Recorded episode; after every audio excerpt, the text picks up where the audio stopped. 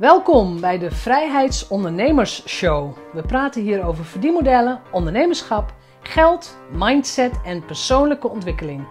Ik ben jouw host, Jeanette Badhoorn, bedenker van het merk Vrijheidsondernemers, auteur, organisator van de Transatlantische Ondernemerscruise en online pionier. Welkom, dit is aflevering 85 inmiddels. We schieten op, we gaan naar de 100 en ik ben er heel blij mee. Vandaag praat ik met Erno Hanning. En het interview of het gesprek wordt geplaatst in de auteursmaand. Hij heeft namelijk ook al heel veel boeken geschreven. Daar hebben we het ook over. Maar eigenlijk doe je Erno tekort als je het alleen maar hebt over het auteurschap. Want waar je naar gaat luisteren is een gesprek, diepgaand gesprek over ondernemerschap. Over wanneer is iets genoeg. Over keuzes maken. Over kiezen voor, in dit geval kiezen voor tijd met je kinderen in plaats van uh, hele hoge omzetten.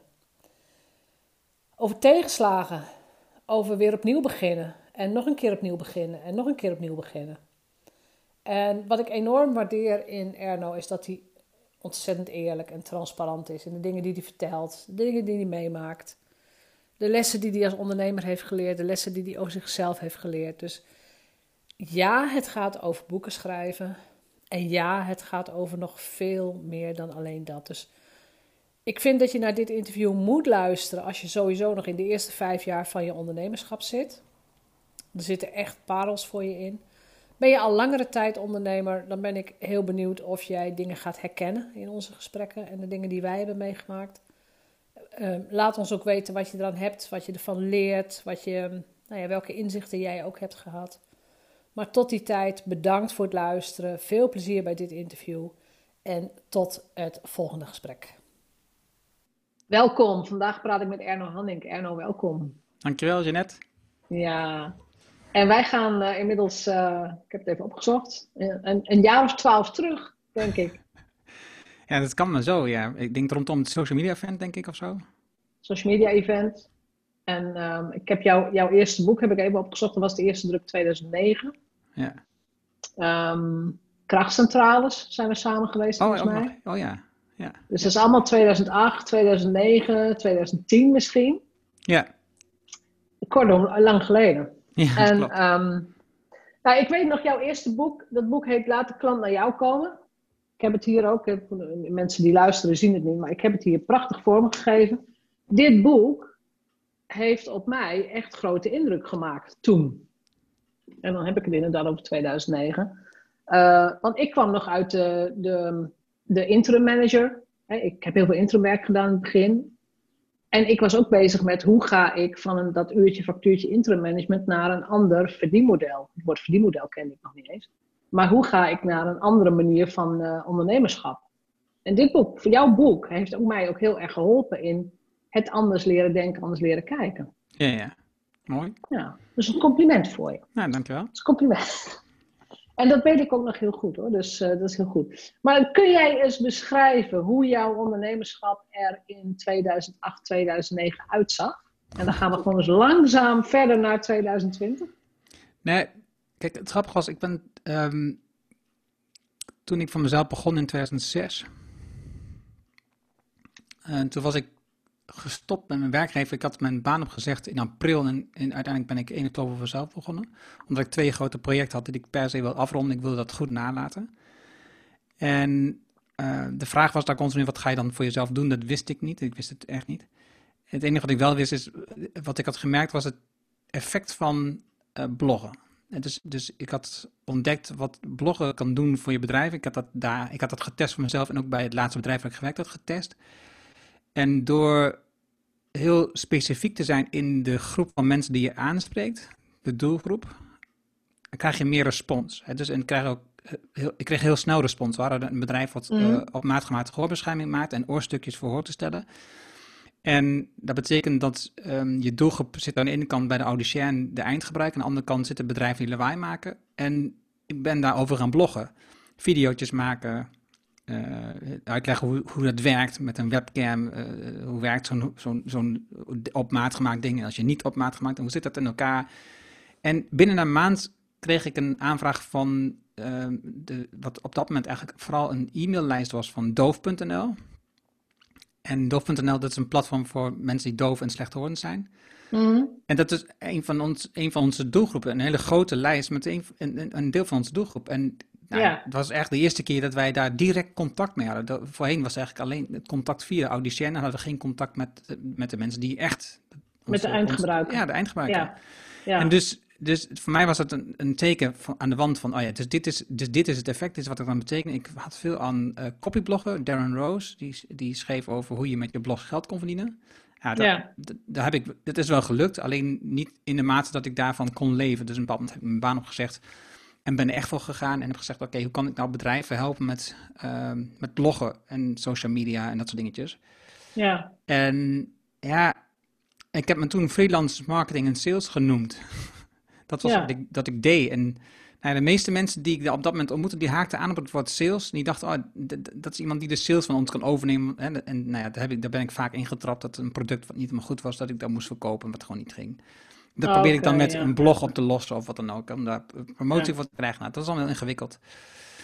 Ehm, en toen heb ik een programma gedaan bij Laura Bobielski over ehm kies je niche. En, eh, en toen heb ik echt gekozen voor om het blog centraal te maken in het werk wat ik doe. Dus dan heb ik ehm, klanten geholpen om ook een website en een blog op te zetten en een e-maillijst op te starten. Ja. Ehm, zodat zij in die stijl van werken die Laura op dat moment ook ehm, promoten, eh, om die te gebruiken in, in hun bedrijf. Dus hoe, En had je nou- toen al een hele specifieke doelklant? Ja, dat, dat, dat waren zelfstandigen die, eh, die diensten aanboden. Dus dat, was, Ja. eh, één- dat waren echt eenpitters. En waarom? Omdat, Ja. dat, omdat dat mensen waren, als ik met hen sprak, dan konden ze op dat moment dat- ik met hen besprak wat we gingen doen, dan konden ze ook direct een keuze maken. Dat was, Ja. dat was voor mij een belangrijk iets. Ik heb veel met eh, grote bedrijven gewerkt en dat duurde vaak lang, lang beslissmomenten, veel discussie, veel bureaucratie erachter. Eh, daar had ik niet zoveel zin in toen ik voor mezelf zou gaan werken. Dus ik heb gezegd, ik wil nu mensen die snel een beslissing nemen als je met Ja. hen in, in gesprek bent over een mogelijke oplossing voor een probleem. Nou ja, dat was op dat moment echt de ZZP, de zelfstandige, Ja. die, die geen mensen in dienst had.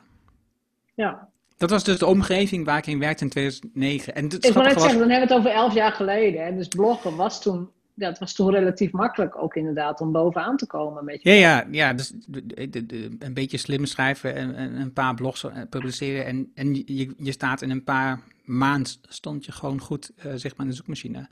Ja. En, ehm, en ik weet dat ik, ik ben toen in januari ben ik naar ehm, Amerika geweest, naar Las Vegas, voor een evenement daar.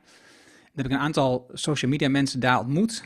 Ehm, die, die, de grote namen in die tijd. Nog steeds wel een aantal die nog wel steeds wel heel erg herkenbaar zijn, zoals Brian Solis. Ehm, Ja. en, en daar kreeg ik van een aantal mensen kreeg ik boeken mee, om, eh, die interessant waren, die misschien in Nederland interessant zouden kunnen zijn. En met een paar van die boeken ben ik naar een uitgever gegaan, AW Bruna op dat moment. En heb gezegd, nou weet je, dit zijn boeken die interessant zijn, die we misschien in het Nederlands kunnen vertalen. En daarachteraan zei ik, eigenlijk wil ik zelf ook wel een boek publiceren. Ja. Nou ja, en toen ehm eh, zei ze, nou, schrijf maar eens een A4'tje over wat je van boek, wat dat dan moet zijn, waar het over gaat en voor wie, dan, eh, wie dat dan, voor wie dat dan moet zijn. Dat heb ik gedaan.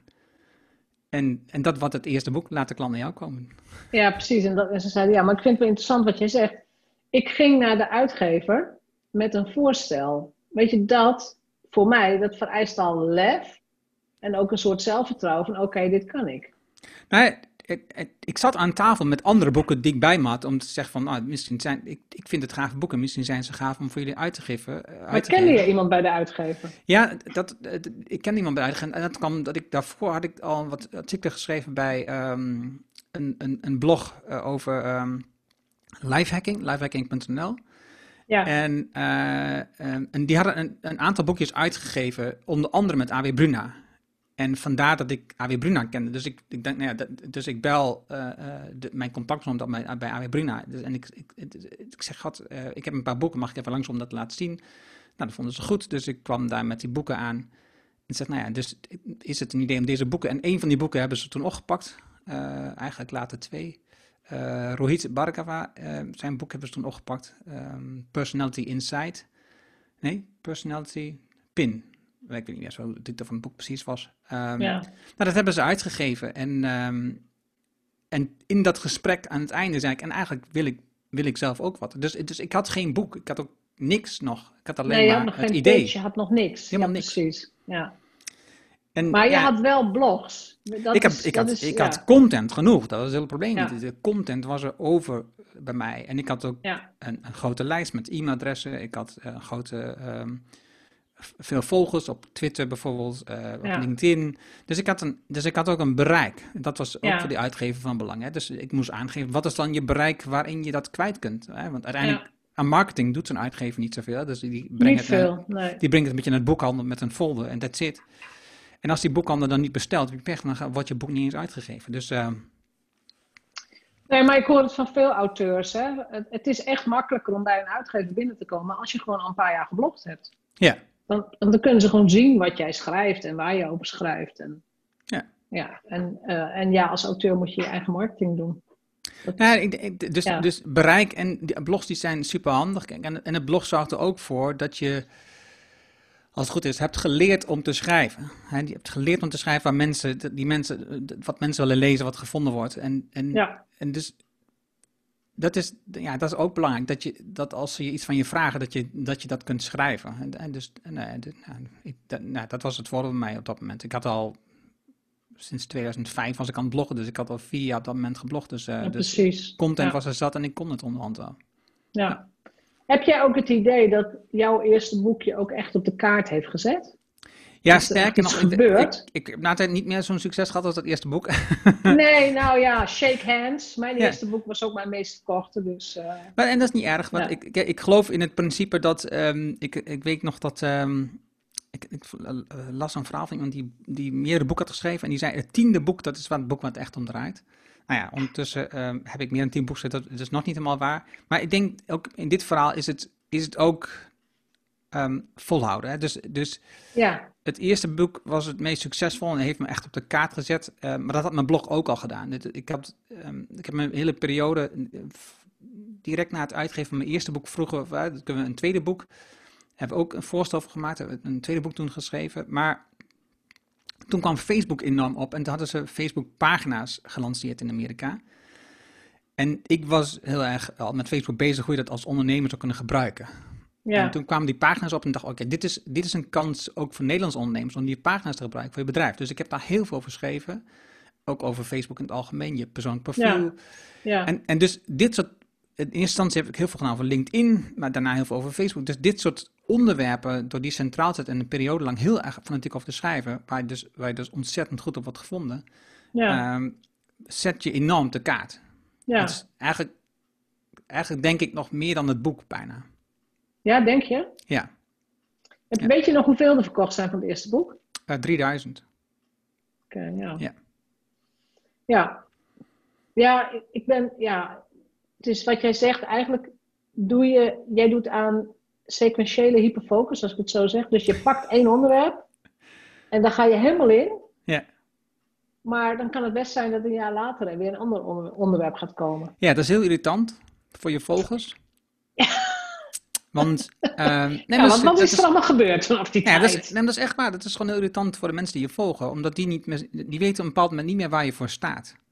Is, dus, dus ik weet heel goed waar ik mee bezig ben, maar zij snappen het niet meer. Dus, hè, dus, Nee. dus eh, jij was toch van Facebook, of je was toch van LinkedIn, of je was toch van de coaches, eh, voor de coaches. Eh, dus ze, ze weten gewoon niet meer waar je voor staat uiteindelijk. En dat maakt het heel ingewikkeld eh, voor, voor mensen die je volgen. En, Ja. ehm, en dus wat dat betreft wil je een goede, wil je een langdurige relatie met je volgers opbouwen, kun je veel beter niet ehm, iets doen met sequentiële eh, focus. Ja, kun je beter veel langer, Klopt. heel lang op één ding focussen. ja, Ehm, en dat probeer ik nu, maar dat, ja, dat, maar dat probeer ik wel vaker. Dus ja, ik heb ook geen garantie dat dit, dat dit blijft. Maar het punt is, denk ik, dat ehm, eh, ik zie dan, ik zie een onderwerp opkomen waarvan ik denk, oh, hier zitten enorm veel kansen voor ondernemers. Ja. En, en, dan niet, en ik denk dan niet eens zozeer, eh, dit is een kans voor mij. Want eh, ik ben uit Facebook gestapt, ehm er actief mee bezig zijn, toen het echt opkwam. Toen Dat weet ik, want iedereen heel fanatiek mee bezig was, ben ik, was ik ermee gestopt weer. jouw, jouw fanatieke Facebook-periode is volgens mij 2012, 2013 geweest. En het begon al in 2009. 2009. Ja. Dus wat zou er zijn gebeurd als jij echt alleen maar zou hyperfocussen op Facebook?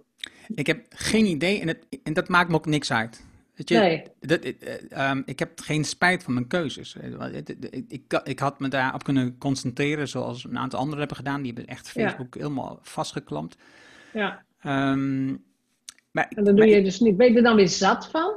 Nou, weet je, kijk, het punt is dat ik ook constateer dat er. ehm, dat de platformen veranderen, waardoor ze, waardoor ze lastiger worden voor ondernemers. Het is, op een bepaald moment zie je dat Facebook ehm, steeds minder bereik krijgt op je berichten. Dus, dus je pagina wordt steeds, ehm, Zeker zakelijk, ja. ja, wordt steeds lastiger om je te positioneren. Ehm, je, hebt dan, je hebt in eerste instantie heel veel tijd en energie gestoken om volgers te krijgen op zo'n pagina, likers te krijgen op zo'n pagina. En dan worden de berichten steeds minder zichtbaar voor die likers. En dan moet je adverteren om het weer zichtbaar te maken. Nou, en dat, dat is een oneindige sequence waar, waar dit soort bedrijven natuurlijk mee spelen. Ja, Maar voor, voor de ondernemer maakt het dat steeds lastiger. ja, En dus moet je nadenken, wat is, wat is een volgende stap die weer wat eenvoudiger is voor ondernemer? Voor, dat is hoe ik erover nadenk. Dus ik denk dan, ja. oké, wat, wat zou voor ondernemer dan een betere optie kunnen zijn dan na te denken over meer likes? Het is, en dat, ja, dat verandert dus, dat is een veranderend landschap. ja. Zo zie ik dat. Ja. ja, maar het is wel interessant wat je zegt. Want jij staat jezelf dus ook toe om dan weer een shift te maken. Om te zeggen, oké, mijn focus gaat ergens anders heen. Ja, dat, dat, gaat, dat gaat natuurlijk geleidelijk. Dat is niet, dat is niet van de een op de andere dag. Eh, Maar, je komt tot de conclusie dat je, als je een keuze maakt, dat het, dat het niet. Dat het voor nu misschien niet meer de beste keuze is. Eh je, je vertelde net in het voorgesprek ook over dat jij een moment hebt gekozen voor het gaan in het Engels. Ja, Nou, dat heb ik ook gedaan in 2012. Ehm, ik herinner me nog goed, ik zat op een terras eh, samen met Brigitte van Tel in Leiden.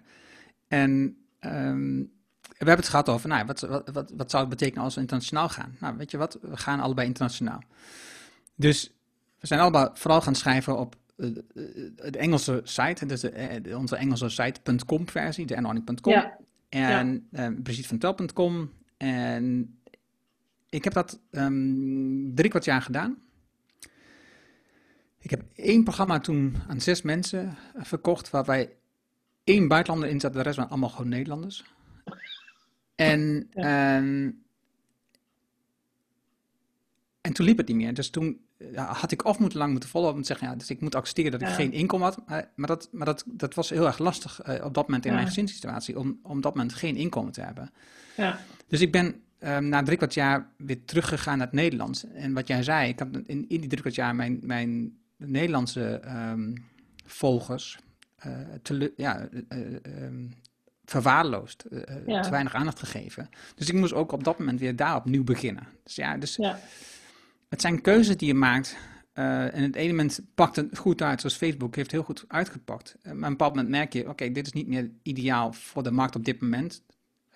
Zo zag ik het in ieder geval. mhm, En een ander moment kom je erachter, oké, dat gaat niet zo snel als ik verwacht. Of het is anders dan ik verwacht. En dus moet je weer nieuwe keuzes maken om na te denken, oh ja, Ja. wat, wat ga ik nu wel doen als ondernemer? Wat ga ik, eh, zo had ik een bepaald moment gekozen voor, om me volledig te richten op coaches. En ik Ja. zag veel coaches die werkten, ehm knetterhard, hebben een, hebben een hart voor hun klanten. klopt. En voor de mensen die ze willen helpen.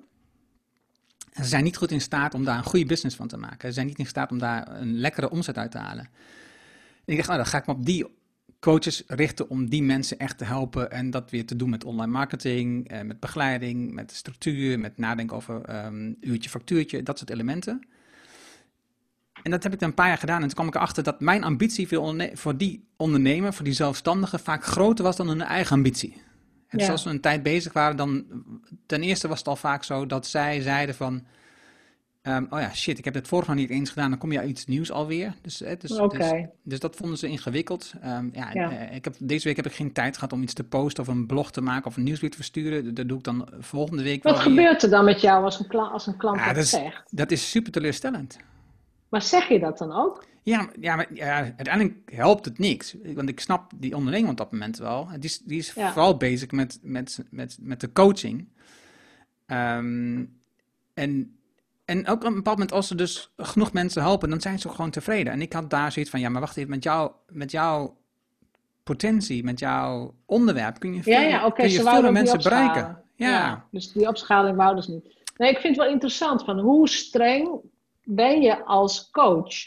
Want ik ken ook coaches, ook, eh, ook in groeps, eh, groepstrajecten. Als je dan één keer niet komt opdagen, dan moet je zelf weten, maar dan mag je de volgende keer ook niet meedoen. Ja, ja. Dan is het dus echt gewoon bam bam, je bent er of, eh, of je ligt eruit, weet je, dat idee. Ehm, dus ik ben ook inderdaad benieuwd, ja, hoe streng ben jij dan? Als je inderdaad met iemand een tijdspad afspreekt, er kan altijd iets tussen komen, hè? Is altijd wel een, een, een, nou ja, een smoes om het niet te doen. Ja, nou ja, goed. En ik, ik, ben, ik ben dan eh, vrij meegaand, eh, omdat ik ehm, in mijn optiek op dat moment het beste met die onderneming voor heb, hoe ik het beste kan helpen. En als zij dan op Ja. dat moment worstelen met een nieuw eh, bericht publiceren of een nieuw artikel schrijven, dan, dan wil ik ze daarbij helpen. Dan wil ik dat toch organiseren. Dus ik ben dan ehm, niet streng genoeg misschien. In ieder geval, ik doe het op mijn manier, laat ik het zo zeggen. En die Ja, is, ja, die precies, is we doen het allemaal op, op onze die is wat rustiger, manier. denk ik. Ja. Nou ja, goed, nee, ik, ik ken het dilemma ook hoor. Dat je inderdaad weet dat een ondernemer iets moet doen, maar ze doen het niet. Ja. En ehm, op een gegeven moment zijn de smoesjes natuurlijk op. Ik word steeds strenger is het woord niet, maar duidelijker. Weet je, als jij een doel wilt halen, je doet het niet, ja, eh Nou dan ja, zit kijk, je je tijd te verdoen. ik merk nu dat. En nu met een andere. Nu werk ik met ondernemers die werknemers hebben. Ja, je zit nu met een andere doelgroep inderdaad. Ja. ja. Het is het kleine MKB. En, ehm klein MKB, dat is een beetje raar. Het, het klein bedrijf. MKB is namelijk klein- midden- en klein bedrijf. Het klein bedrijf. En, eh, en het, zij hebben dan ergens tot vijfentwintig medewerkers afhankelijk van het bedrijf. En Ja. Het voordeel daarvan voor mij is dat zij, als, als we praten over dat je werkt met anders in de. Ze hebben medewerkers waar ze dingen aan kunnen overdragen. Dus dat, dat scheelt Ja. enorm. Dus daar heb je dan geen discussie over. Dus je kunt makkelijk zeggen: oh ja, ik denk dat je deze taak moet stoppen en die moet je daar neerleggen. En, en dan, dan, wordt- dan gaat dat gewoon door. ja. En ze zijn ook wat meer gewend om te investeren. Het is een nadeel ook van een zelfstandige coach die alleen werkt, is op het moment dat je praat over investeringen, dan gaat dat ten koste van een inkomen. Het, het inkomen van een zelfstandig ondernemer is ehm, omzet minus kosten. Dat is een inkomen. ja. En Nou dus ja, als dat ik, denken ze.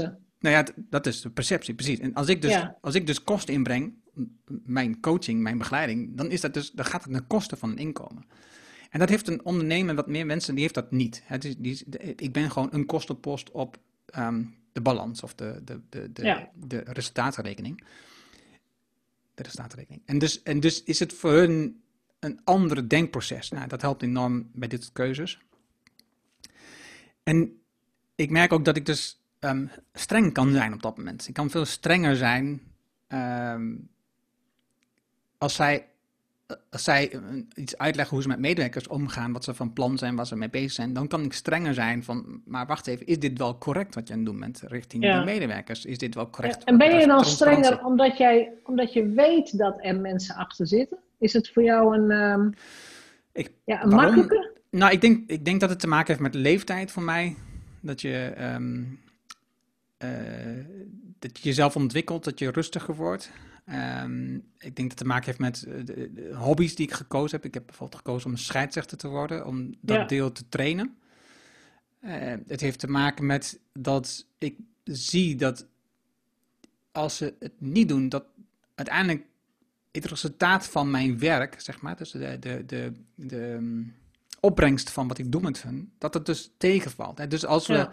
afspreken bijvoorbeeld dat zij ruimte maken in hun agenda om minder met klanten bezig te zijn en meer met de mensen bezig zijn, en ze doen dat niet, dan gaat dat ten koste van de resultaten van het bedrijf. En dat betekent dus dat mijn impact lager is dan het zou kunnen.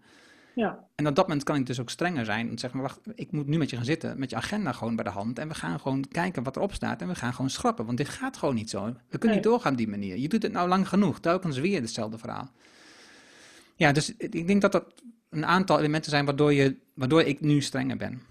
Kan zijn. Dat scheidsrechter worden. Mhm. Heb je dat, heb je dat echt bewust? Ben je dus een scheidsrechter? Want dan moet je voor gecertificeerd worden of getraind in worden of opgeleid. Ja. Heb je dat bewust gedaan om sneller en strenger te kunnen beslissen? Nou, er zitten een paar fases in. Ehm, ik ben mijn zoon die ging op voetbal. Ik, was, ik ben echt niet van het voetbal. Uh, ik, ik, ik, moet het beter zeggen. Ik was niet van het voetbal. dat is beter. En uh, mijn zoon ging op voetbal. En zoals een goede ouder dat dan betaamt, vind ik. Um, dan ja. ben je betrokken bij de vereniging. Die draait op vrijwilligers. Dus ik was uh, vrij snel leider van dat team van hem. Um, en toen dan ga je hoger dan pad. hebben ze iemand nodig die ook nog aan de vlag is en zijlijn. Ja, je moet, dan, je moet vlaggen, ja. Dus dat heb ja. ik ook gedaan. En dat heb ik gedaan tot hij um, in de B A kwam. A, in de A kwam. Dus, dus tot 19 op dit moment heet dat dan. En, um, en toen was er wat gedoe. Uh, en dus kwam ik, zat ik bij een team en daar zat hij niet in die groep. En dus miste ik eigenlijk zijn wedstrijd. Nou, daar baalde ik van. Dat gebeurde twee keer. Dus ik zei, oké, wat, ik, ga, ik vind het vlag heel erg leuk om te doen. Ik ga het gewoon doen nu voor de KNVB. En um, dan moet je dus een keuze vervolgen. Dat, dat, dat, wist ik vrij snel. Maar het bleek ja. ook dat je eerst scheidsrechter moest worden. Nou, dat wist ik niet. Dat vond ik ook niet super aantrekkelijk. Um, dus nou ja, oké, okay, ik neem dat voor het lief. Ik word scheidsrechter. Uiteindelijk ben ik gaan fluiten. Um, vanuit de visie dat Um, A, ik had te maken met, uh, met wat worsteling met klanten waarbij ik niet streng genoeg was. Hè. Dus zij overroelden mij. Ik had te maken vooral met vrouwen die vrij veel power hadden, die mij overroelden. En um, een expert vrouw, voor duidelijkheid. En, en, mm. um, en ik merkte ook dat, er een paar keer tegen mij gezegd, jij staat heel vaak aan de zijlijn. Dus je, je, je, observeert veel dingen. Je staat zijlijn. De vlaglijn, ja. Ja, dat was, nou ja, dat, was, dat is letterlijk ook zo. Dus ik, ja, jouw ik, sta niet in, in, ik, sta, ik sta niet in het midden van, van de zaal. Ik, ik, ik geef presentaties. Um, maar als ik bij een netwerkevenement ben, dan sta ik liever aan de zijkant te observeren wat er gebeurt en met één of twee mensen te praten in plaats van overal rondrennen.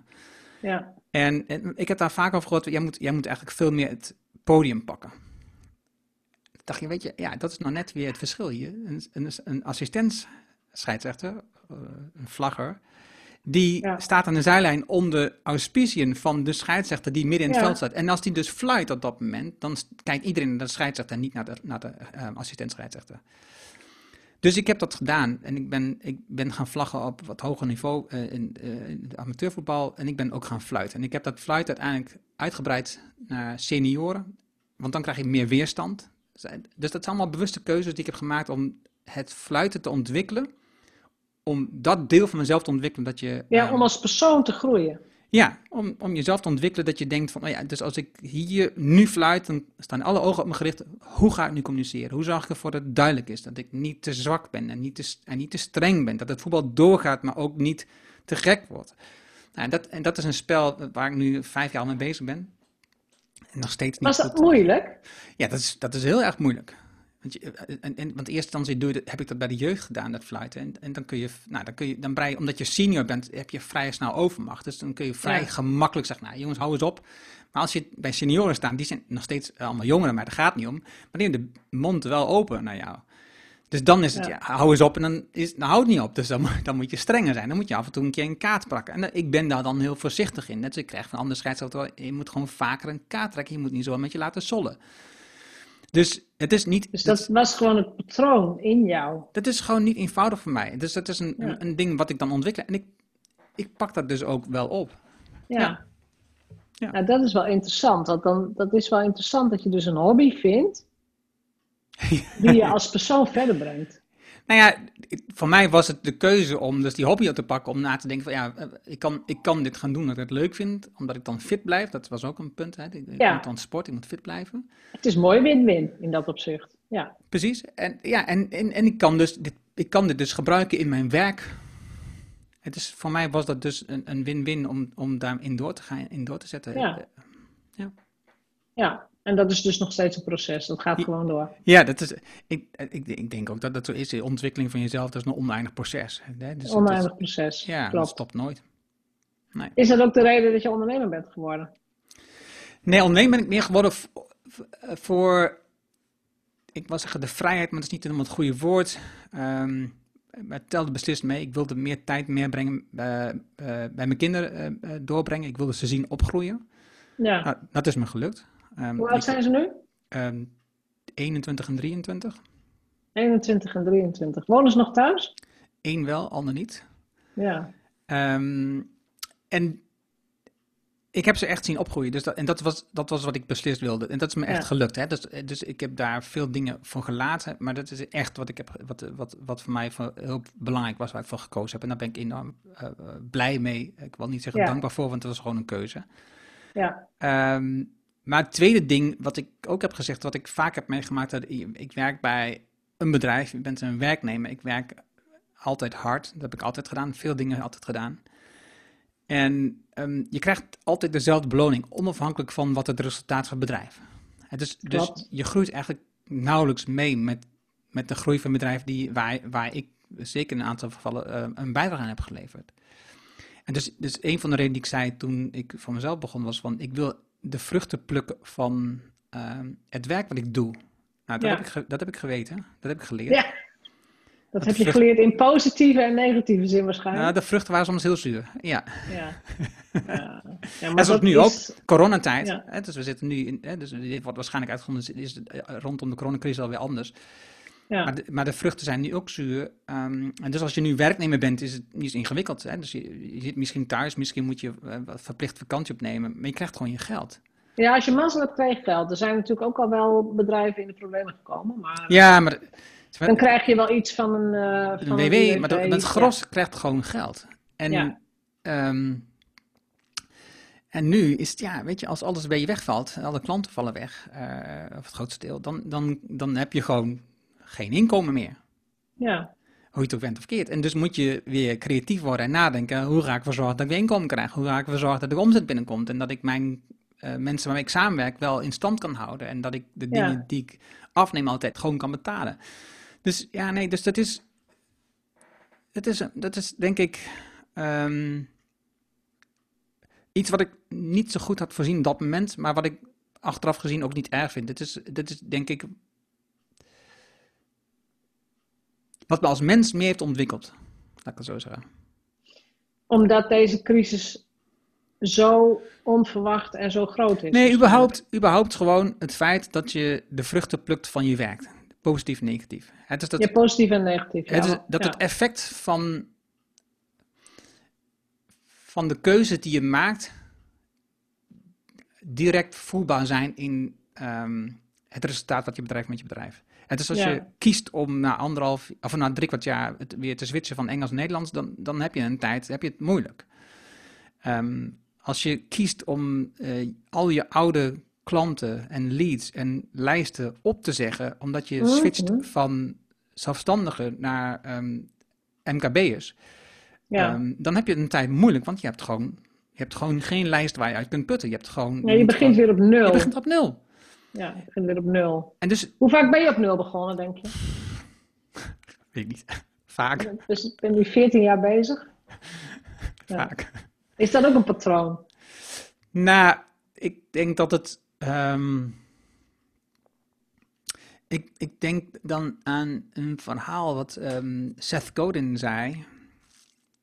Er zijn twee soorten ehm, agencies. En hij praatte over agencies, eh, Ja. creatieve bureaus. Er zijn, er zijn bureaus die leren een trucje. En die houden aan vast. En die blijven het doen en verdienen goudgeld. Ja, En dan heb je agencies die telkens nieuwe dingen proberen. Die telkens iets nieuws, die altijd het nieuwste moeten proberen. Ehm, en die vinden veel minder. En dat komt omdat je telkens verandert. En dus ja, de verandering eh, zit in mij. Daardoor verdien ik waarschijnlijk minder dan had gekund. Maar uiteindelijk gaat het niet om hoeveel je verdient. Uiteindelijk gaat het erom ehm, hoe je mensen helpt. eh, ja. en, en of je daar gelukkig bij voelt, of je vindt Ja, dat je precies. werk hebt. Want mensen kunnen jou niet zien, maar op het moment dat je dat zei, keek je ook heel gelukkig. Ik ben super gelukkig. Ik heb, ik Ja, heb- want dat is dus jouw vrijheid. Van ik, ik sta mezelf toe om dus die creative agency te zijn die nieuwe dingen mag proberen. Ja. Ja, Het, kijk, het voordeel is natuurlijk, als je dan over het stukje vrijheid hebt, als je als werknemer, dan word je gedwongen om bepaalde dingen te doen. Hè? Dus je kunt, wel, je kunt wel kiezen om een andere baan te, ehm, voor een andere baan te gaan. Maar uiteindelijk heb je in een baan, moet je dingen gewoon doen, zoals het wordt opgedragen. Ja. Ik weet nog dat, um, had ik het bedrijf voorgesteld waar ik toen werkte, dat uh, onze afdeling zou opgeven en die mensen in het, de rest van het bedrijf wel integreerd, want dan zou dat de snelheid te goede komen en ook de verandering te goede komen. Nou, dat vonden ze een goed idee, dus ik mocht het bedrijfsbureau dan ook gaan runnen om dat op te pakken. En ik had dat drie maanden gedaan en ik vond het verschrikkelijk. Ja. Dus ik ging terug naar haar en ik zeg, nou, ik, zeg, ik vind dit echt, ik vind het niks. Ik, ik, dit is, dit is, ik wil dit niet. En hij zei, nou, dan heb je nu pech, je moet het tenminste een jaar volhouden. Ja, precies, dat is het. Dus iemand anders bepaalt dan jouw leven. En de, de, de, inhoud van je werk, de inhoud van je agenda, alles. Ja. ja. En, en eigenlijk bepaalt hij dus of je plezier hebt ja of nee. Ja, dat is niet wel waar, de bepaal je natuurlijk uiteindelijk zelf. Je kan natuurlijk altijd het beste van maken wat je doet.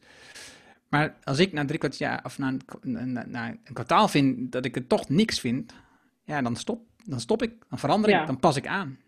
Als ondernemer heb je gewoon die vrijheid. Ja.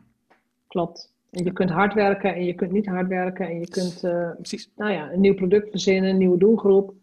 En je gaat weer verder. Ja. Dat, dat is ook inderdaad zo. Nu zit je met een doelgroep, ehm, dat zei je in het voorgesprek ook, hè, een doelgroep waar je waar je je heel erg senang bij voelt, heel plezierig bij voelt. Wat, wat, is, wat zit er in die doelgroep waar jij nu heel blij van wordt? Nou, wat er, wat er sowieso in zit, is ondernemerschap. Ja. Weet, je, weet je, als je naar een zelfstandige kijkt, heel veel zelfstandigen zit niet echt een ondernemerschap in. Eh, een groot deel is alleen al freelancer, dus die, dat zijn verkapte werknemers. En dat, dat doet het niet vervelend, voor duidelijkheid. Nee, maar goed, zo ben ik ook begonnen. Gewoon als interimmer en ja, dan ben je inderdaad een verkapte werknemer. Het, dat is niet erg.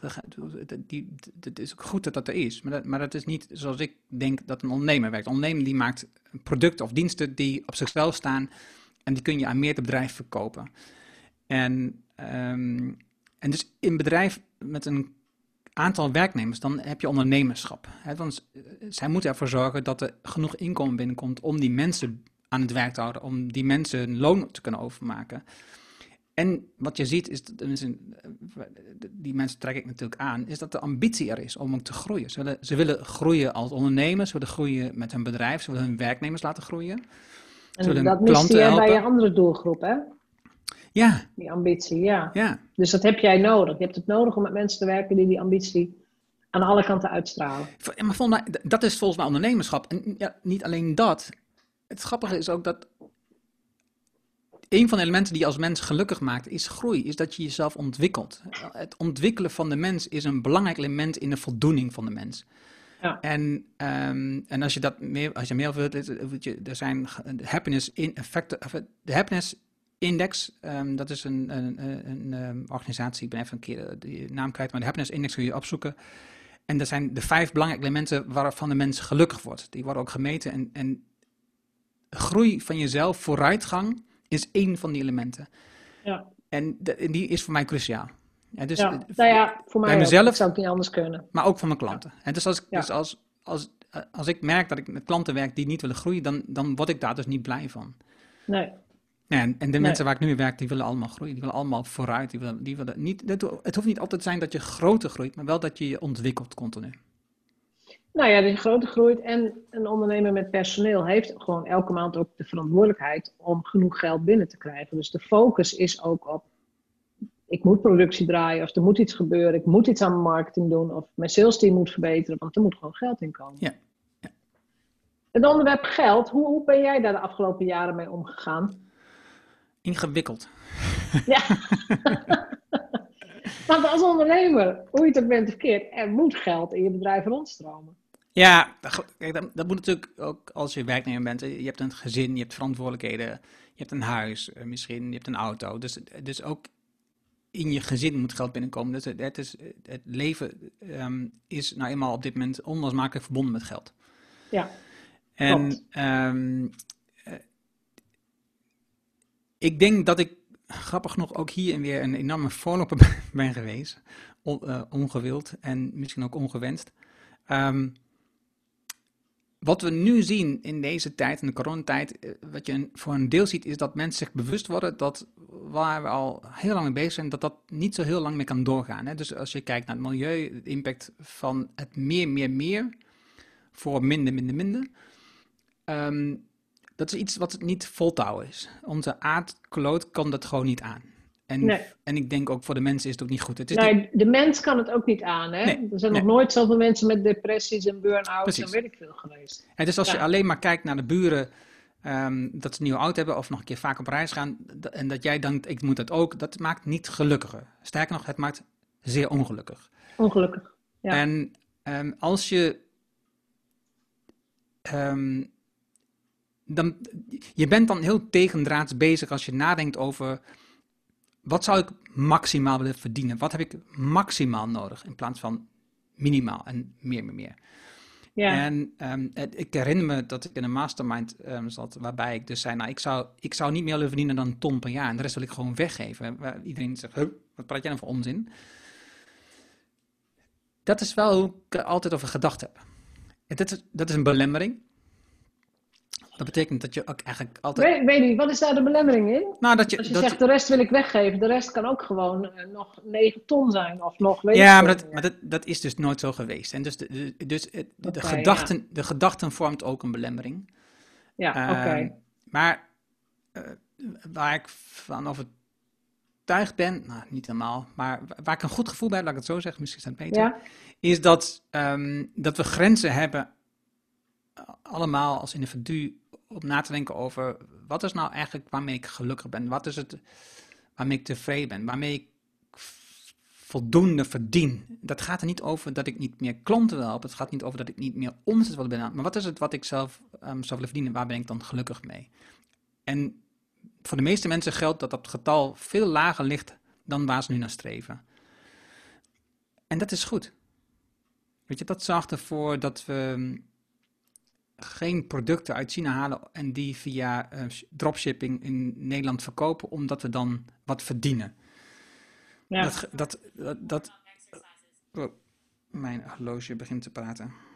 Dat is een beetje onzin. Is, ja, dat is een, een verdienmodel wat voor jou dan niet meer aanvaardbaar is. Nee, dat is, dat is gewoon zo absurd dat je ehm, denkt ehm, alleen maar aan je eigen winst en niet overdenkt, of misschien wel overdenkt, maar niet eh, de consequenties ervaart van de impact die het heeft op de wereld. Ja, Ehm, nou, dat is, dat is voor mij scheef. Ja. het- dus dat je in Europa zegt, wij, zijn hier groener. En wij, wij, wij, wij, wij lopen voor op het eh, eh, Green Deal die we hebben gemaakt. Maar wat we ondertussen hebben gedaan is ehm, de vervuiling verplaatsen naar ehm, de derde wereldlanden. Ja. En dus, dan is het niet hier, maar dat is daar. Maar dat, we Ja. leven op, dus, we En leven op dezelfde aarde. precies, en dan is het daar lekker vervuild.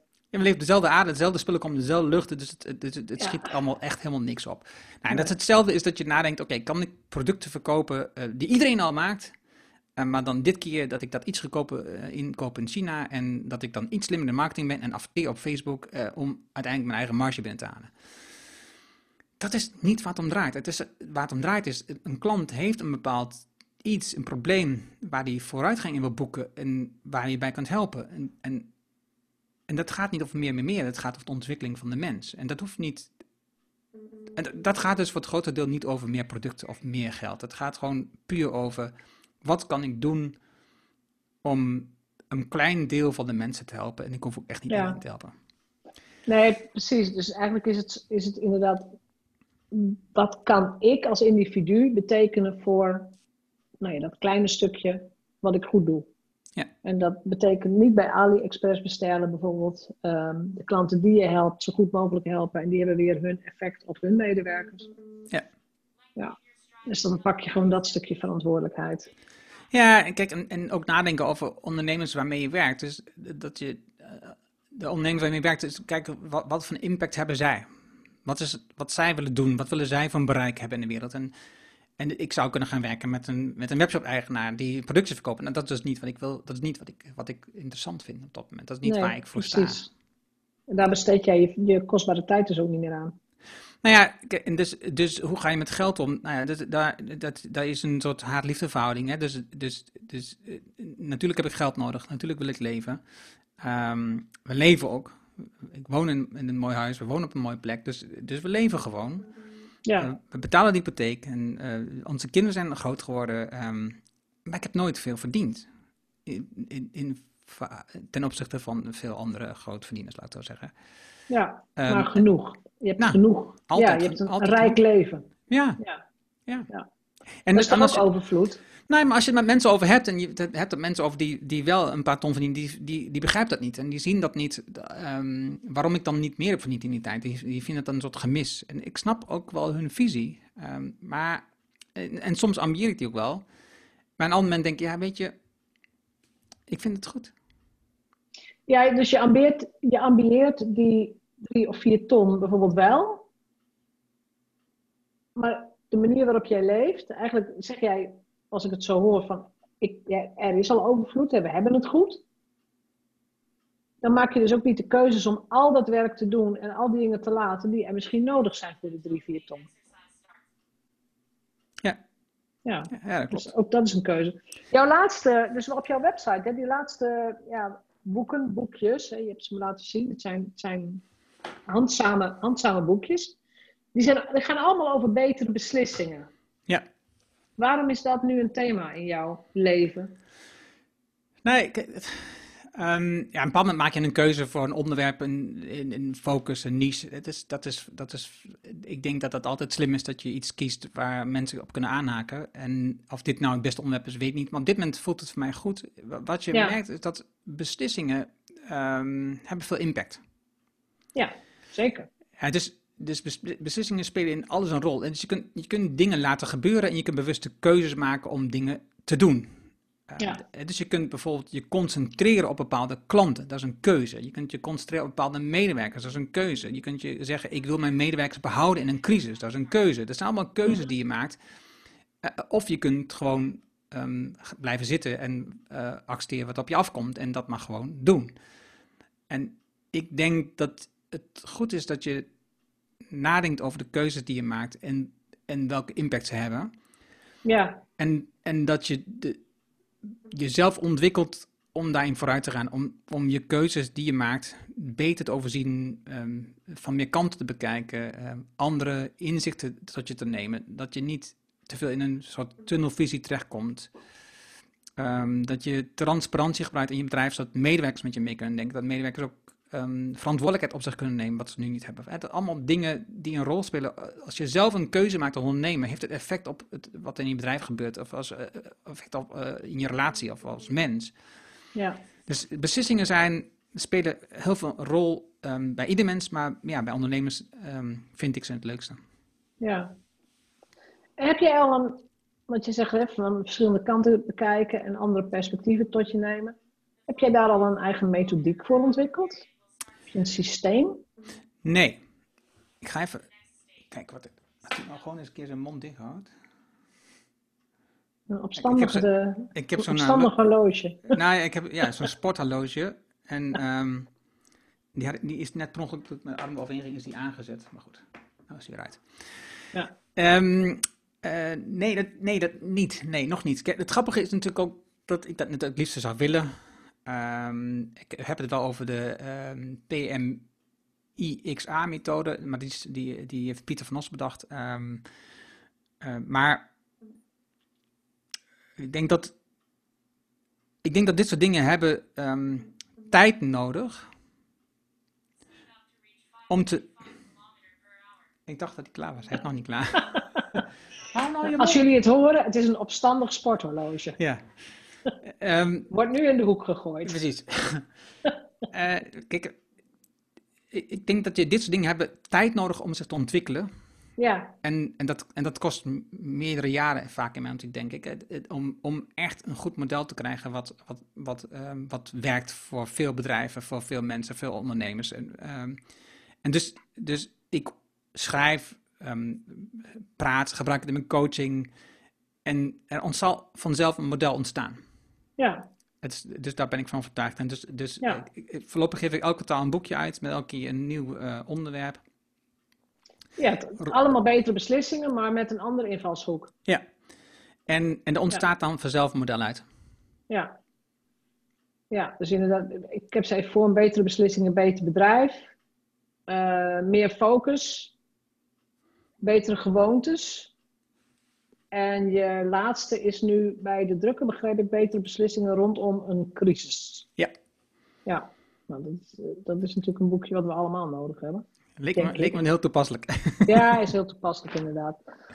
Als je nu terugkijkt op jouw 14 jaar als ondernemer, wat was jouw absolute hoogtepunt?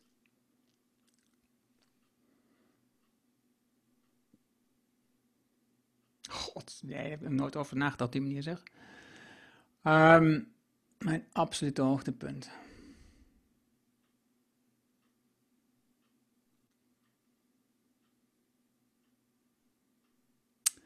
Um, ik denk. Ik moet denken aan het antwoord van uh, Derek Sivers. Die zegt: weet je, je eerste antwoord is niet je beste antwoord. Je moet gewoon tijd nemen om goed na te denken over een goed antwoord. Hmm. Ik denk dat het. Is de. Als ik. Uh, dat, is niet, dat is niet één ding. Dat is het feit wat ik net zei. Is dat ik heb meegemaakt dat mijn kinderen opgroeien. Dat ik bewust voor gekozen heb om ondernemer te worden en vanuit huis te werken. Terwijl ik de laatste 2,5 jaar juist weer op pad ben gegaan, maar daarvoor werkte ik vooral vanuit huis. Um, om mijn kinderen te zien opgroeien. Ja. En dat, dat, was een, dat was een hele belangrijke keuze. Um, nou, en daar ben ik gewoon heel blij mee. Daar ben ik heel blij mee dat dat, dat dat gebeurd is. En dat, en, dat, en dat ik ze heb gezien en dat we die, dat we die relatie hebben en band hebben. En dat ik niet straks zeg um, met een miljoen op de bankrekening, wat dan ook, zeg van, nou, dus ik heb, ik heb voor jullie inkomen gezorgd, ik heb voor jullie, um, uh, hoe heet het, uh, toekomst gezorgd met geld, maar ik heb jullie niet gezien. Ja, maar ik was er nooit, ja. Dat, was iets, dat was een beeld wat ik niet wilde. Nee. nee, maar dat is ook een hele mooie wat je beschrijft. Want ik, ik, ik denk dat het dat andere beeld komt natuurlijk ook voor. Heel veel. Een hele succesvolle ondernemer, die, uh, ik zie ze ook heel veel scheiden. Dus er zijn heel veel scheidingen bij, hè, als een van de twee heel succesvol wordt. Um, en dat is, dat is natuurlijk ook geen gewenste situatie. En voor hun wel, voor mij niet. ja, nee, maar het, ik vind het wel mooi dat jij zegt, ja, dat is dus mijn absolute hoogtepunt. Het gaat dus inderdaad, het gaat niet om die lancering van een ton of om, weet ik veel, ehm, een boek wat op nummer 1 stond bij managementboek, ja of nee. Het gaat dus inderdaad om een hoogtepunt wat, nou ja, 20, 21 jaar duurt. In feite. Ja, en hopelijk nog langer. ja, nou ja, als het uit gaan, dan... Uh, ja, dan is het, dan, is het minder. Dan moet je ze actief gaan opzoeken hoor, dan nou, is het niet meer zo uit. Ja. Nee, goed, dat merk ik natuurlijk ook bij mezelf en mijn eigen ouders, dat ik, het, dat ik het ook moeilijk heb daarmee, dat ik moeite heb met om uh, daar vaak te komen. Um, maar uh, nou, ik merk nu nog dat mijn zoon nog, uh, nog wel regelmatig langskomt. Ja, die is thuis al uit. ja, ja die, die zit op kamers in Nijmegen. En, um, ja, en de relatie is, is, is goed. Weet je? Hij komt gewoon bij naar huis. Uh, het is niet zo dat hij uit ogen, uit het hart. Weet je? Nee. Nou, dat vind, ik, ja, dat vind ik fijn.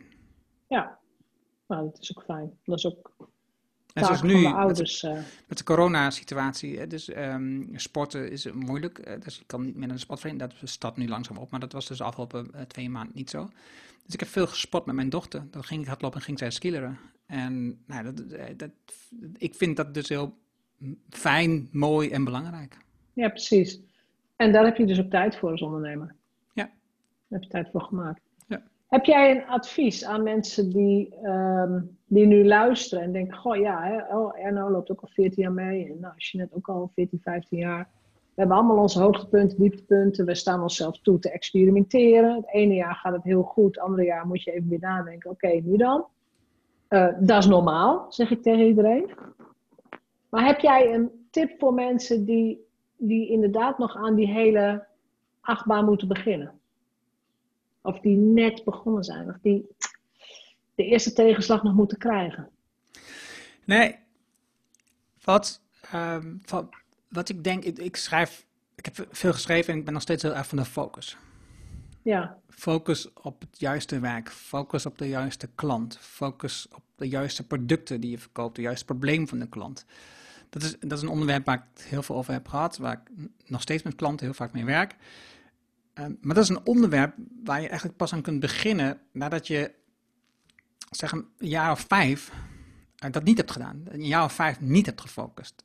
Een jaar of vijf alles hebt opgepakt wat je maar kon. Ik sprak vorige week met Corinne Keizer. Ehm, eh, en, en, eh, als, en als je haar cv bekijkt op LinkedIn, dan heeft ze ontzettend veel verschillende dingen gedaan. En tegen ontzettend veel dingen gewoon ja gezegd. En dat, en dat brengt je eh, gave, grappige, bijzondere momenten. En ik denk dat dat cruciaal is. Dat je in eerste instantie tegen heel veel dingen ja zegt en experimenteert. En ik heb dat ook gedaan in het begin. En ook daarvoor al toen nog ehm, uh, niet ondernemer was, maar werknemer was, heb, heb, ik, ik, heb, ik ben veel van baan veranderd om veel verschillende bedrijven te ontdekken. Ja. Want volgens mij is dat de tijd waarin het het meest makkelijk gaat als je, als je, als je begint uh, en nog van weinig weet. Dat is het moment om te ontdekken wat er allemaal um, kan en mogelijk is. Ik vind het wel een mooi advies. Dus beschouw de eerste vijf jaar van je ondernemerschap eigenlijk als een, een experimenteertuin. En dan weet je ook inderdaad steeds beter wat je nou wel en niet wilt en waar je goed in bent. Precies. En waar mensen je voor willen belonen. Precies. ja, Wat is, wat, je ontdekt dan steeds beter wat is het probleem van de klant. Hè? Wat, je, wat je veel ziet is dat ehm, ondernemers uitgaan van hun eigen waarde en kennis en expertise en kunde. En daarmee de markt opgaan. Maar niet, maar niet weten wat eigenlijk precies het probleem is van een klant waarbij zij waarbij zij de oplossing zijn.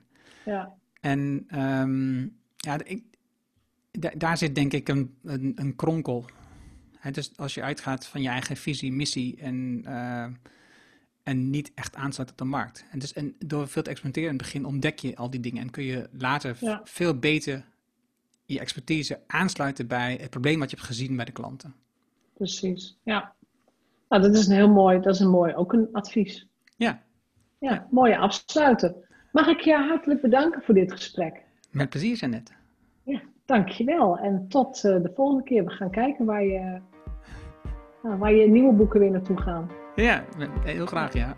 ja, is goed. Dankjewel. Oké. Bedankt voor het luisteren naar de Vrijheidsondernemers Show. Geef de show een review op iTunes. Als vrijheidsondernemer werk je waar, wanneer en met wie jij wilt. Dat gun ik jou ook. Ik weet dat het kan. En bij de juiste keuzes is vrijheid ook voor jou mogelijk. Op jouw vrijheid!